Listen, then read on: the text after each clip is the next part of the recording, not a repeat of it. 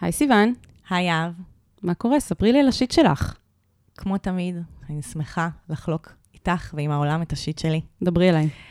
השיט שלי הוא כאילו כבר היה פעם, אבל יש לו עכשיו גרסה משודרגת, אוקיי.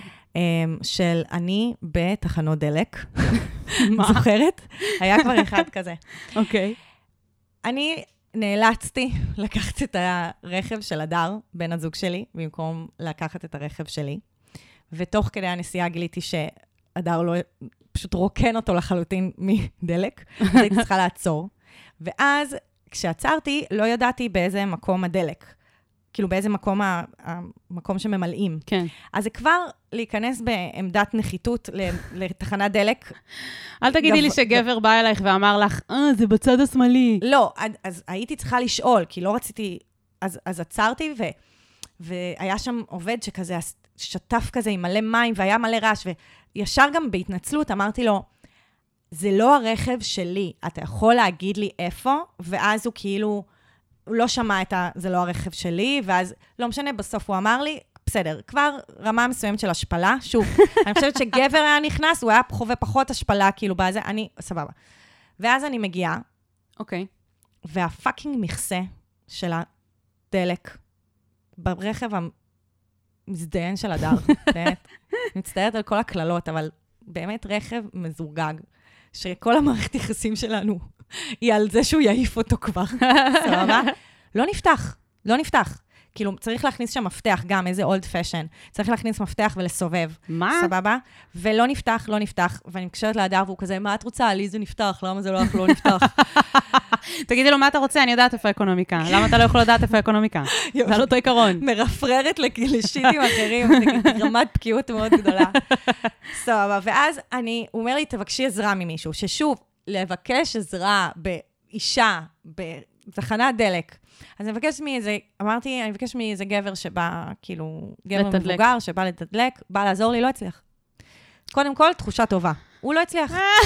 הוא לא הצליח. את כאילו, זו תחושה טובה, אבל בתכלס זה מעצבן, כי זה רק מעכב אותך יותר. חד משמעית, אני מאחרת באיזה חצי שעה כבר למקום שאני צריכה להגיע אליו, באמת, סבבה. ואז אני מבקשת מהאיש שמקודם קצת כבר התגרזן עליי, כי שאלתי אותו איפה זה. ובאתי ואמרתי לו, תקשיב, אני צריכה שתעזור לי, אני לא מצליחה לפתוח את המכסה דלק, וזה, מדובר פה בשלום בית, אז כאילו, בוא תעזור. קיצר, הוא בא ותלש באלימות את הזה, והצליח לפתוח, כי, כי אה, היה אוקיי. שם משהו כאילו לא תקין. היה צריך בכוח. היה צריך בכוח, ואז אה, הוא שואל אותי אם אני יודעת לתדלק. ואני כאילו אומרת, כל ההסברים שנתתי. לפני זה, שזה לא לא. הרכב שלי, שזה שלום בית, לא הצלחת להבין שאני יודעת לת... כאילו... וזה כל כך מעצבן שהוא שואל אותי אם אני יודעת לתדלק. אם את לא היית יודעת לתדלק, אז היית מבקשת את עזרה, כמו שביקשת עזרה עם זה. היית נכון. מבקשת עזרה גם עם זה. נכון, נכון. בדברים שאני לא מרגישה בהם ביטחון, אז אני באה ואני אומרת, אני לא יודעת, בוא תעזור כן. לי, אני לאללה. לא משנה, כשהוא שאל אותי אם אני יודעת לתדלק, הייתי כזה, ברור, עוף מפה. עכשיו עזרת לי, לך. כן, בדיוק. לא רוצה אותך יותר פה. זהו, ואז כאילו, כמובן שרבתי עם הדר, והייתי כזה, תעיף את הרכב, תעיף את הרכב. הוא כזה, זה לא קשור, העצבים שלך עכשיו, הם לא קשורים לרכב, תעזבי את הרכב. מה הרכב עשה לך? כן, ממש. בקיצור, אני מקווה שבעוד כמה פרקים אני אקליט אה, פרק שבו אני מספרת שהעפנו את הרכב של הדר. זהו. אוי ואבוי. אה, יהב, ספרי לאנשים לאן הם הגיעו. טוב, אז uh, לחדשים שביניכם, מי כן. שלא המאזינים הוותיקים והחביבים שלנו, אתם פה ב shit של אחרים, יוצאות לחיים עצמם. אני יהב ארז, ואיתי סיון לוטן, ואנחנו מקבלות מכם ומכן פניות אנונימיות uh, על השיט שלכם, ואתם מבקשים עזרה ועצות, ואנחנו משתדלות לתת uh, את הכי טוב שלנו, וככה, משבוע לשבוע. נתחיל? יאללה. אני ממש צריך את ה... אני ממש צריכה את זה. מה אני יכול לעשות במצב כזה?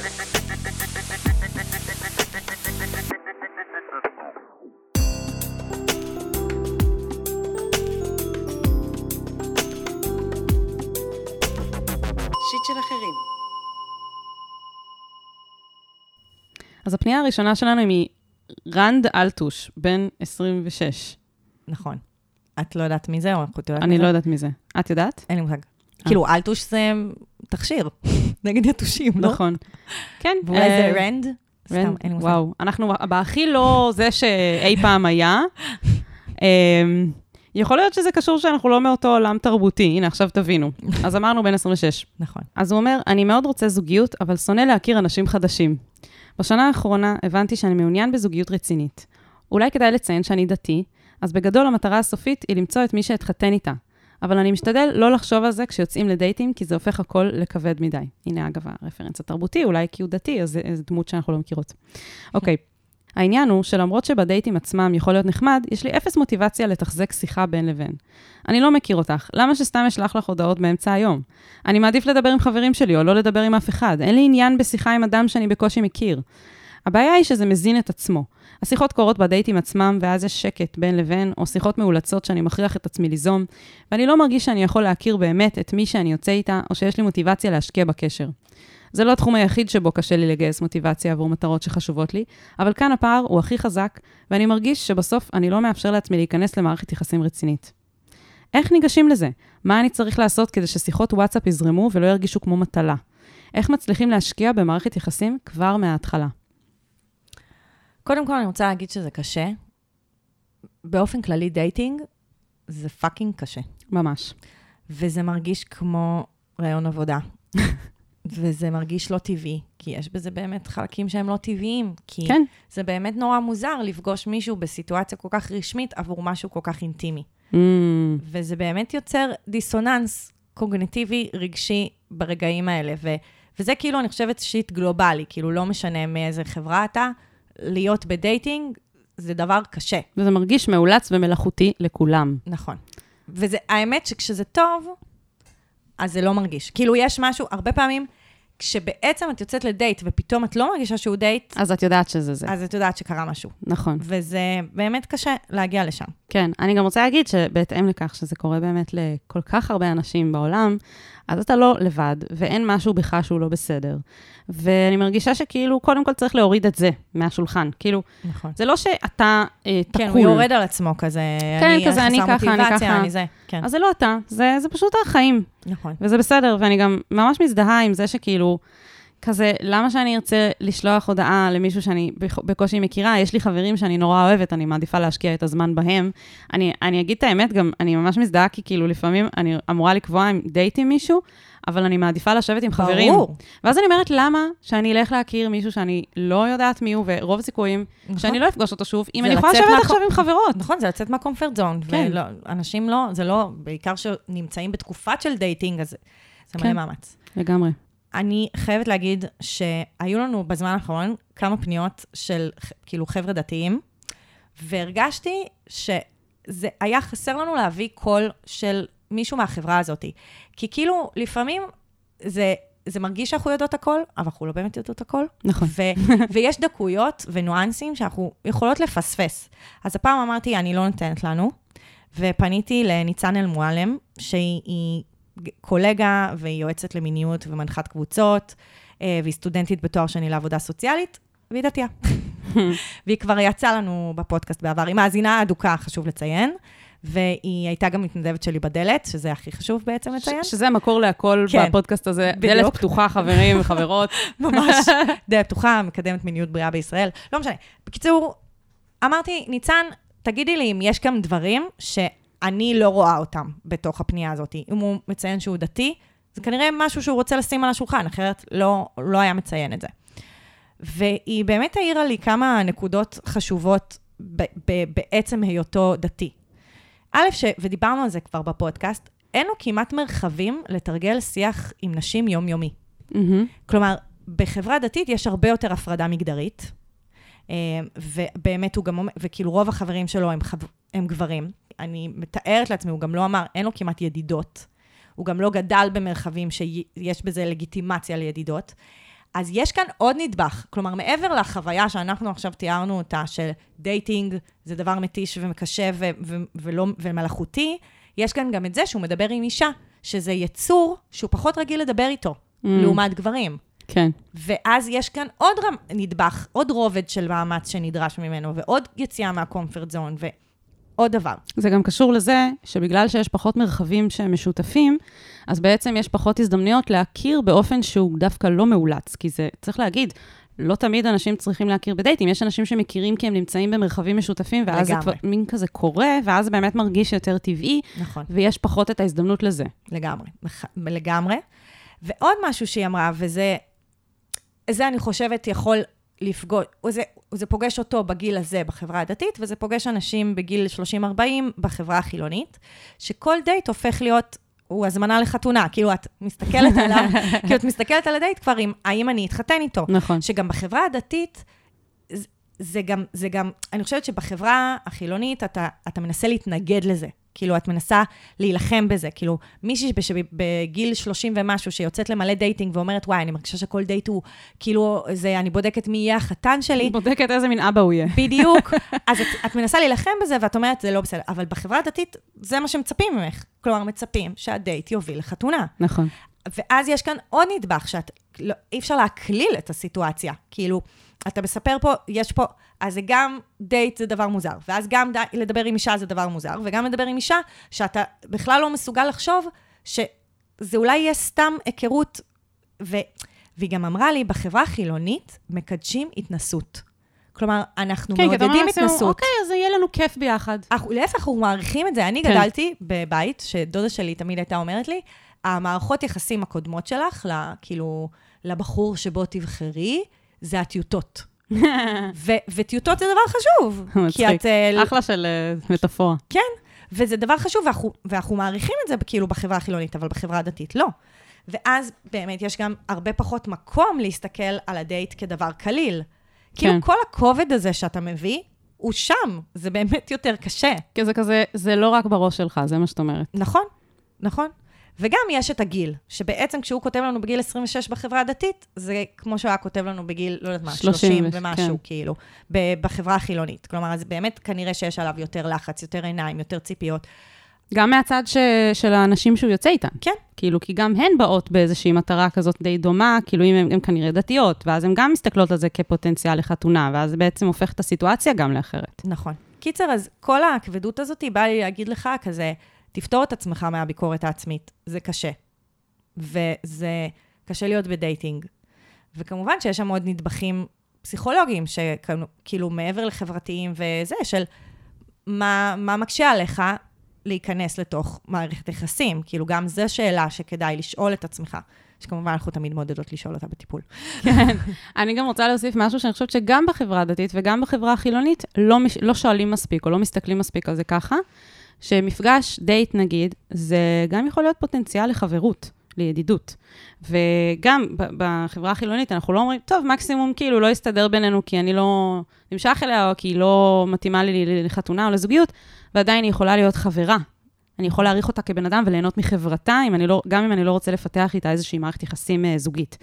עכשיו, אני, אני ממש כאילו, הגישה שלי היא שכל בן אדם חדש שאנחנו פוגשים, נכון. יש פוטנציאל לחברות, ואני חושבת שדווקא אם, אם קודם כל אומרים, האם בא לי להיות חברה של הבן אדם הזה? נכון. האם אני נהנית מחברתו?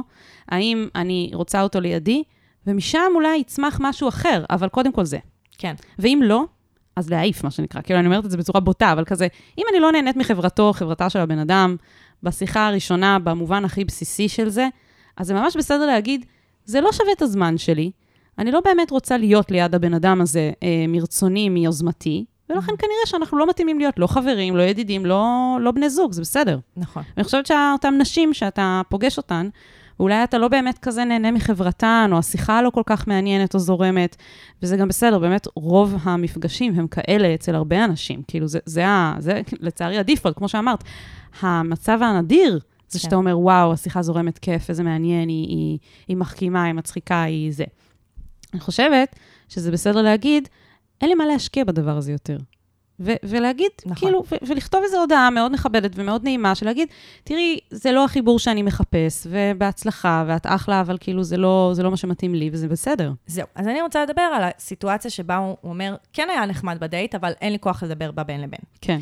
ואז יש כאן תסריט, עוד פעם, תסריט, כאילו, התסריט הזוגי, התסריט של הדייטינג, שכזה מצופה ממנו, שכבר זה מוריד. כן, לשלוח כאילו. הודעה כזה יום אחרי, כן, כזה. מצופה ממנו לעשות את זה, וזה כבר מוריד חשק לעשות משהו שמצופה ממך, וזה לא משהו אותנטי. נכון. ואחת הדרכים שאנחנו הכי אוהבות uh, בעצם uh, להילחם פה בתסריטים, זה לדבר עליהם בדייט. וכבר זה משנה עולמות, ומשנה אינטימיות, ומשנה דינמיקה. לגמרי. להנכיח את התסריט המצופה מאיתנו, ולהביא אותו, כאילו, דיברנו על זה בהרבה פרקים, ב-RBDSM, שיחת גרביים, נשים רפרנסים. Um, אבל כאילו בעצם כאן יש עניין, זה לא סביב מיניות, זה סביב זוגיות, um, וזה בעצם להגיד, תקשיבי, לי קשה להתכתב בין לבין. אני מוצאת עצמי שזה לא בא לי בטוב. כן. או אני מוצאת עצמי שזה מאולץ לי, אני מוצאת עצמי שאני לא מבין איך עושים את זה. ובוא תראה מה היא אומרת לך. יכול להיות שיתאים לה שלפחות בהתחלה לא תדברו בין לבין, ושרק כשהקשר באמת יהפוך להיות רציני יותר, זה גם יבוא בצורה אותנטית יותר. יכול להיות שהיא תגיד, טוב, אז בוא נדבר בטלפון ולא נתכתב, או יכול להיות, כאילו, יש מיליון דברים שאתם יכולים, יכול להיות שכזה היא תגיד, טוב, אז לא מתאים לי, וכזה, אתם תבינו כזה שתפרדו כידידים. לא יודעת, מיליון דברים יכולים לקרות ברגע הזה, וגם יכול להיות שזה ייתן לה פתח להגיד כזה, וואי, איזה קטע שאתה אומר את זה, כי לי אחרי דייט קורה ככה וככה. כן, אני, אני רוצה להגיד, לא רק שכאילו כולנו אה, באותה סירה, נקרא לזה, ואמרנו כמה אתה לא לבד ולכולם יש עניין עם זה. אני גם הייתי רוצה כאילו להסיר רגע את, ה, את התחושה הזאת שכאילו זה משהו שהוא יותר אה, גברי בהכרח. יכול להיות שהרבה נשים מרגישות מאוד מאוד דומה לך. יכול להיות שבכלל הפתח הזה שאתה נותן כשאתה פותח את זה לשיחה, בעצם נותן לה להגיד, וואי, גם אותי זה ממש כאילו מתיש וזה מרגיש מאולץ. איזה כיף שהבן אדם הזה אומר לי את זה, גם לי זה לא אותי מתאים. מהעול. כן. כן, כאילו, תחשוב איזה פתיחות ואיזה, כאילו, אה, אופציה להיכרות קצת פחות מלאכותית תהיה, אם פתאום אתה אומר משהו ואומר, וואלה, גם אני. נכון. זה, נכון. זה גם אפשרות. נכון. ו- וכן, אני חושבת שנסכם עם זה שיש חלקים שאנחנו לא יכולות לראות בתוך הפנייה הזאת, כי תמיד היא, היא מוגבלת לטקסט, אה, אבל יש עוד חלקים לחקור אותם, אה, ואנחנו ממש מאמינות בללכת לטיפול ולחקור את זה.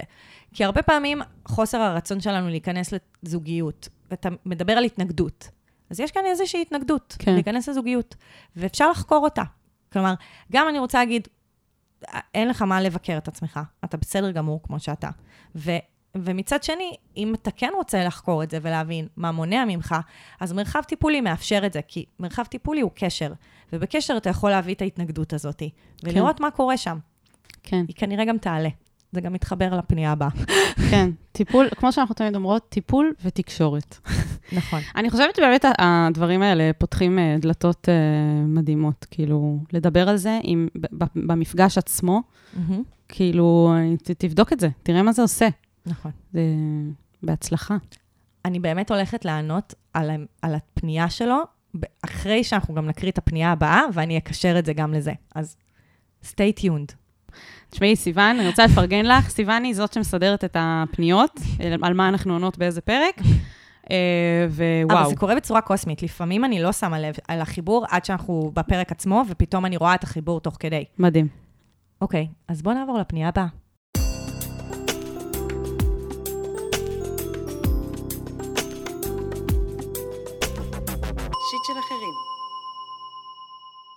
לוהטת מולה, בת 26. אני נמשכת לפסיכולוגית שלי. יש תקופות שזה עובר, ויש תקופות שזה חוזר. זה לא שהכל קל ונעים בטיפול. לפעמים היא מעמידה לי מראה, ואיכשהו דווקא כשהיא הכי קשה איתי, אני נמשכת יותר. השיט הוא שאני מרגישה אשמה ברמות. קשה לי לשבת מולה אחרי שהיא עולה לי במחשבות כשאני מעוננת למשל. יצא לי להגיד לה שאני מרגישה עליה דברים. וגם כשזה עבר, וכרגע אני נותנת לה את ההרגשה שזה פשוט עבר.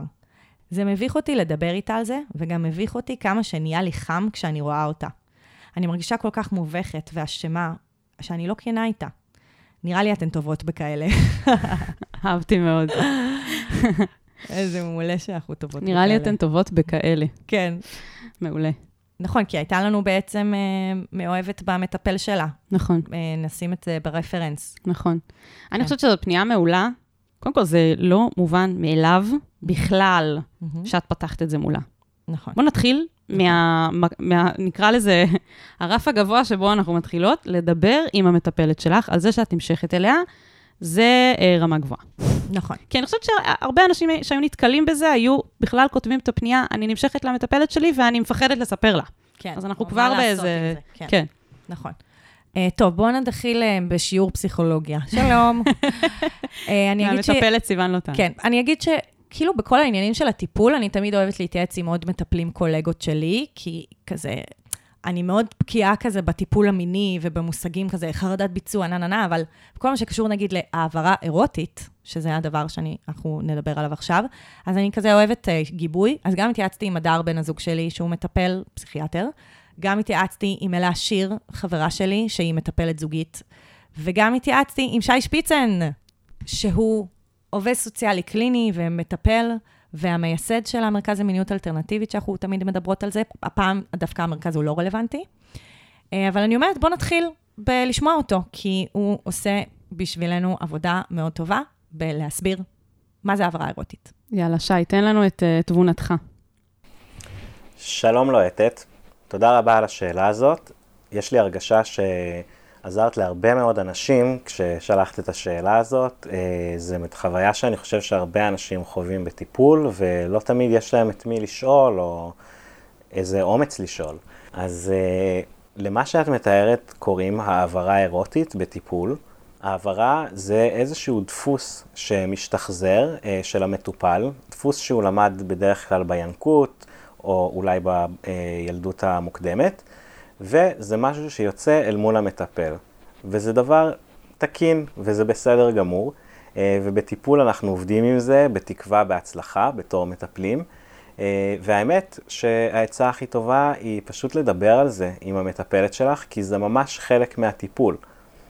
בתוך השיחה הזאת יכולים לעלות כל מיני דברים, כמו למה בעצם אמרת לה שזה עבר, או איך זה אה, להרגיש את הדחייה, וכל מיני דברים שיכולים לעזור לך בתהליך שלך אה, ובעוד תובנות לגבי מה את מחפשת אולי במערכות יחסים.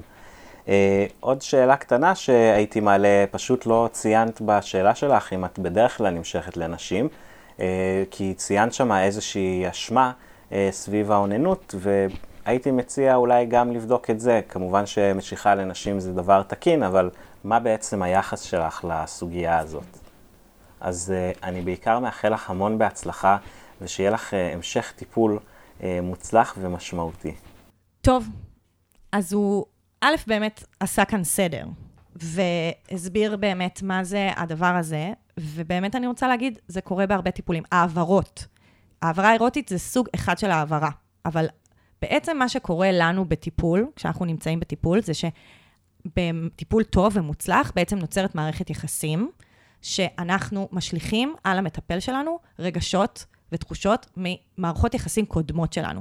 זה משתחזר בתוך הטיפול, כי זה המרחב שבו אנחנו בעצם משחזרים מערכות יחסים קודמות. עכשיו, עולה השאלה, וזה הדר אמר לי, אהבתי את זה, לפעמים סיגר הוא רק סיגר. כאילו, את רוצה להגיד, מה, היא פאקינג נמשכת אליה, מה את עכשיו שמה על זה את פרויד? כאילו, נכון? כאילו, את כן. אומרת, מה, היא, יודע, היא נמשכת אליה, היא פוגשת בן אדם, והיא נמשכת אליו. כן. אבל, למה לא? כי המטפלת היא לא באמת סובייקט בחדר.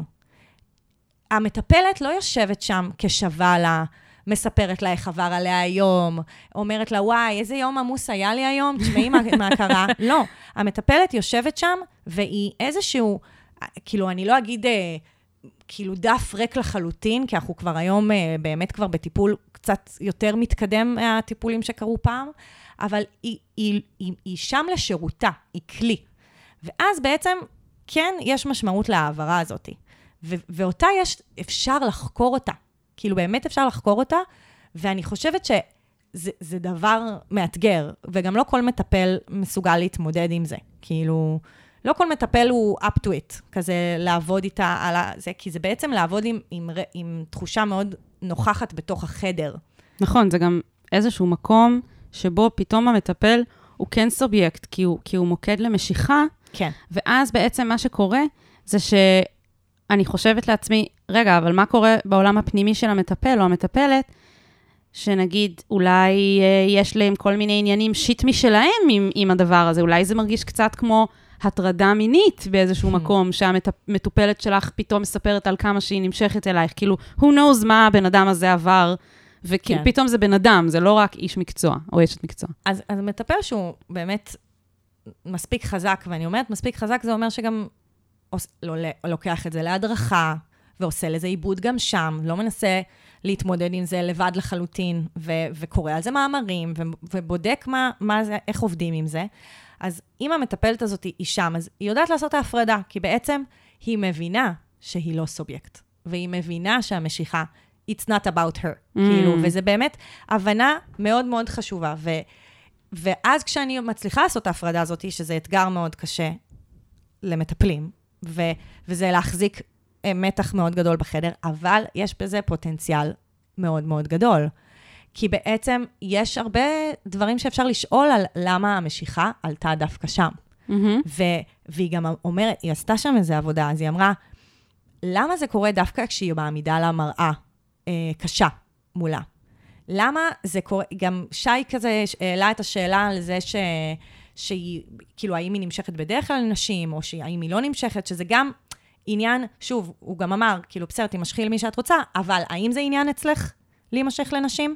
כי אם זה לא, אז זה גם אומר משהו. בדיוק, אז זה שזה גם... קורה רק בטיפול, כאילו. או, או האם, האם יש לך עניין עם זה, האם את מרגישה רגשות, האם את כן נמשכת לנשים, אבל יש לך עם זה עניין אה, לא ורק פתור. פה זה יכול לבוא לידי ביטוי. בדיוק. אה, לא חשבתי על זה. כאילו שיש לך איזושהי אשמה לגבי זה, ואז זה עולה במקום שיש לך אשמה. זה בדיוק המקומות שיש את הפער כשאנחנו לא יודעות את כל הפרטים. נכון. ואז אנחנו לא יודעות בסדר, להגיד. אבל לא. זה שאלות טובות, כאילו. כן, זה- אנחנו, ב- בסוף אנחנו כאילו רוצות לעודד אותה לדבר על זה בטיפול, עם איזושהי רגישות לזה שבסוף, שוב, המטפלת שלך היא גם, כן, סובייקט, לא מהמקום של נמשכים אליה, אלא מהמקום של כמה היא, במקום שבו היא יכולה לעבוד עם זה. כן. כאילו, גם פה אני רוצה להיות בחמלה למטפלת, כזה, זה דבר גדול להתמודד איתו בטיפול. כאילו, אני אומרת, אני עדיין לא התמודדתי עם זה ב- כש- כמטפלת. כאילו, אני מטפלת כבר איזה שלוש שנים, או- ועדיין... או שלא שיתפו אותך בעצם. או שלא שיתפו אותי, אבל לא, אבל גם את יכולה להרגיש את זה הרבה פעמים כמטפלת, כן. ולא הרגשתי את זה ולא הצ... נאלצתי כאילו להתמודד עם זה, וזה דבר, כאילו זה דבר גדול לשים את זה, ואני לא יודעת כמה שנים היא מטפלת, אני לא יודעת כמה היא מסוגלת, אז בעצם אני רוצה להגיד שני דברים. אחד זה, תביאי את זה למטפלת, בואי תראי מה יעלה, וגם תהיי בחמלה, שכזה, תני לה רגע להיסגר על זה, תני לה רגע לעבוד על זה, לא מהמקום של איך היא תתמודד שנמשכים אליה, אלא איך היא תתמודד עם ה... לעבוד עם זה בתוך הטיפול ובאמת לצמוח מזה, ואין, כאילו בעיקרון באמת יש איזה פוטנציאל. ובגלל זה זה מתחבר לי לפנייה הקודמת של רנד אלטוש. כי בעצם מה שיכול לקרות זה שהוא יגיע לטיפול והוא יהיה בהתנגדות לטיפול. ואם הוא יביא, וזו בעצם העברה, וכשהוא יביא את ההתנגדות הזאת לטיפול והם ידברו עליה, אז הוא יוכל גם להבין את ההתנגדות שקורית לו בעוד הרבה מקומות. מהמם. עם המוטיבציה שהוא מדבר עליה, עם החוסר רצון לשתף פעולה בדייטים, עם ה... כלומר, ההעברות האלה שהן כאילו קורות, קורות בתוך היחסים עצמם, הם לא התוכן שאנחנו מספרים, אלא הם במערכת יחסים שקורית לי מטפל, בהם טמון הפוטנציאל הכי גדול בטיפול בעצם. זהו. סיוון לי כזה. אני סיפרתי את הכל. זהו, ניסיון. drop the mic, כן, זהו. יפה. Uh, כן, אני חושבת שזה תובנות מאוד מאוד חשובות. גם, כן, כאילו, צריך להגיד, שוב, שאנחנו לא יודעות את הכל, ויכול להיות שזה כאילו יגיע למצב של טיפול, ולא בהכרח הדברים האלה יעלו, אלא זה בכלל דברים אחרים. Uh, אבל כן, יש פה איזשהו פוטנציאל, כאילו, זאת אפשרות. נכון. זאת אפשרות שלא תמיד זה הדבר הכי נכון שהיא תתגשם, ולפעמים זה כן, וצריך לבדוק את זה. כאילו, צריך להיות גם, אני חושבת, זהירים עם זה, של כזה, את, את צודקת שיש פה פוטנציאל מאוד גדול, וגם אני הייתי מוסיפה, יש פה גם אה, אולי אה, דברים ש, שכן אנחנו לא רוצים בעצם לצלול אל תוכם, מכל מיני סיבות. אה, אם זה לא מתאים למטפלת הספציפית הזאת, אם זה כל מיני דברים מסביב שאנחנו אולי לא יודעות, אבל כאילו, אני חושבת שזה באמת אה, מדהים שכתבת לנו, כי בעצם פתחת את זה לשיח מול עצמך בזה שפתחת נכון. את זה לשיח איתנו ועם כל המאזינים והמאזינות, ובעצם זו הזדמנות, זה, זה בעיקר המון המון שאלות לשאול. נכון. וכאילו, כשמישהו פונה אלינו עם פנייה, אז כאילו יש איזו שאלה ואנחנו אמורות לתת איזו תשובה. אבל אני חושבת שמה שזה עוד יותר עושה, זה שזה נותן, אנחנו כאילו מחזירות בחזרה, הנה עוד שאלות לשאול את עצמך. נכון. אה, נכון, כן. וכאילו באמת חשוב להגיד, אם, אם לא תפתחי את זה בטיפול, אז יש לך פחות אפשרות לעשות עם זה עבודה. כלומר, אין, אין יכולת להטמיר את המשיכה הזאת שאת מרגישה למשהו אחר שאת בעצם יכולה לגלות בתוך הטיפול הזה. כן. ומצד שני, אם את לא מרגישה בנוח עדיין לשתף, אז את יכולה את לשאול את עצמך את השאלות האלה. מה המטפלת מעוררת בך? איך זה קשור לקושי שהגעת בגללו לטיפול? איך זה קשור לעוד קשיים שיש לך בחיים? גם את יכולה לעשות עם זה עבודה מתוך הבנה שהסיגר הוא לא פשוט סיגר. כן, גם היא אמרה, אני מרגישה אשמה שאני לא כנה איתה. ואני רוצה שנייה להתייחס לזה.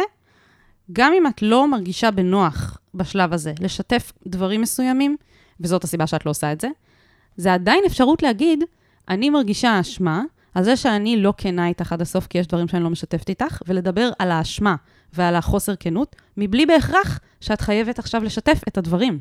נכון. וזה מה שיפה בטיפול, כי אם בן אדם שהוא סתם חבר או מישהו, הוא יגיד, מה זאת אומרת לא כנה איתי? תגידי לי את הדברים. את, אני רוצה שתהיה, שתהיי כנה איתי. מנגד, יש פה מטפלת, אשת מקצוע, שהתפקיד שלה זה לא להגיד, לא, אבל אני סקרנית, תספרי לי, אני חייבת לדעת, ומה זאת אומרת את לא כנה איתי, זה לא הוגן. אלא, היא, התפקיד של המטפלת זה לבוא ולהגיד, אוקיי, אז לא כנה איתי, ואת מרגישה על זה אשמה.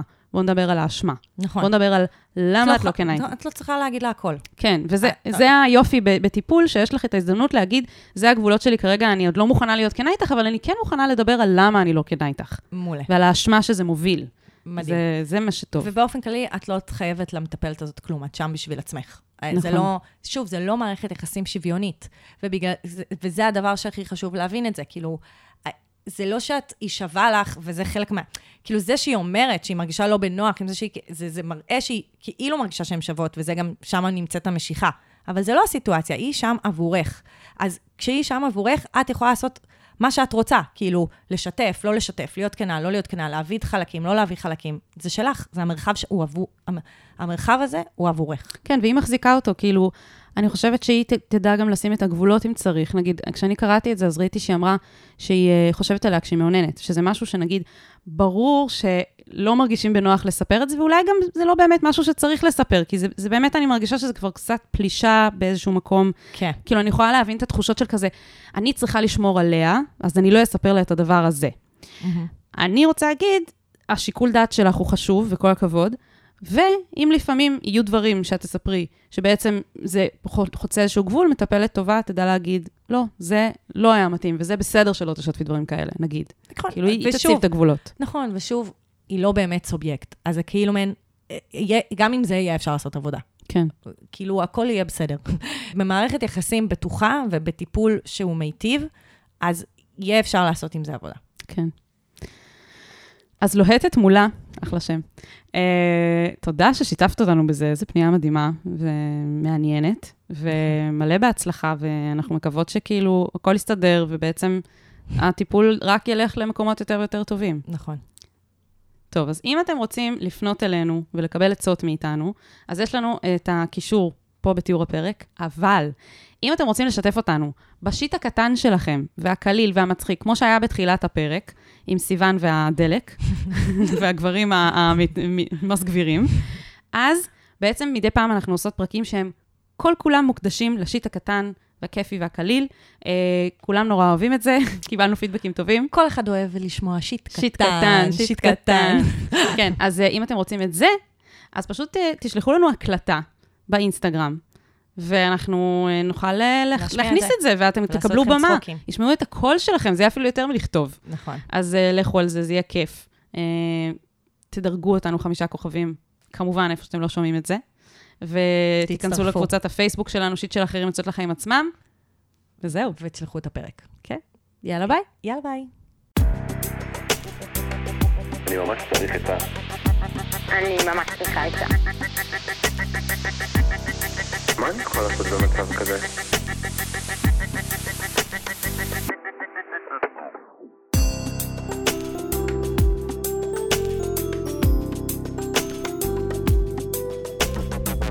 של אחרים.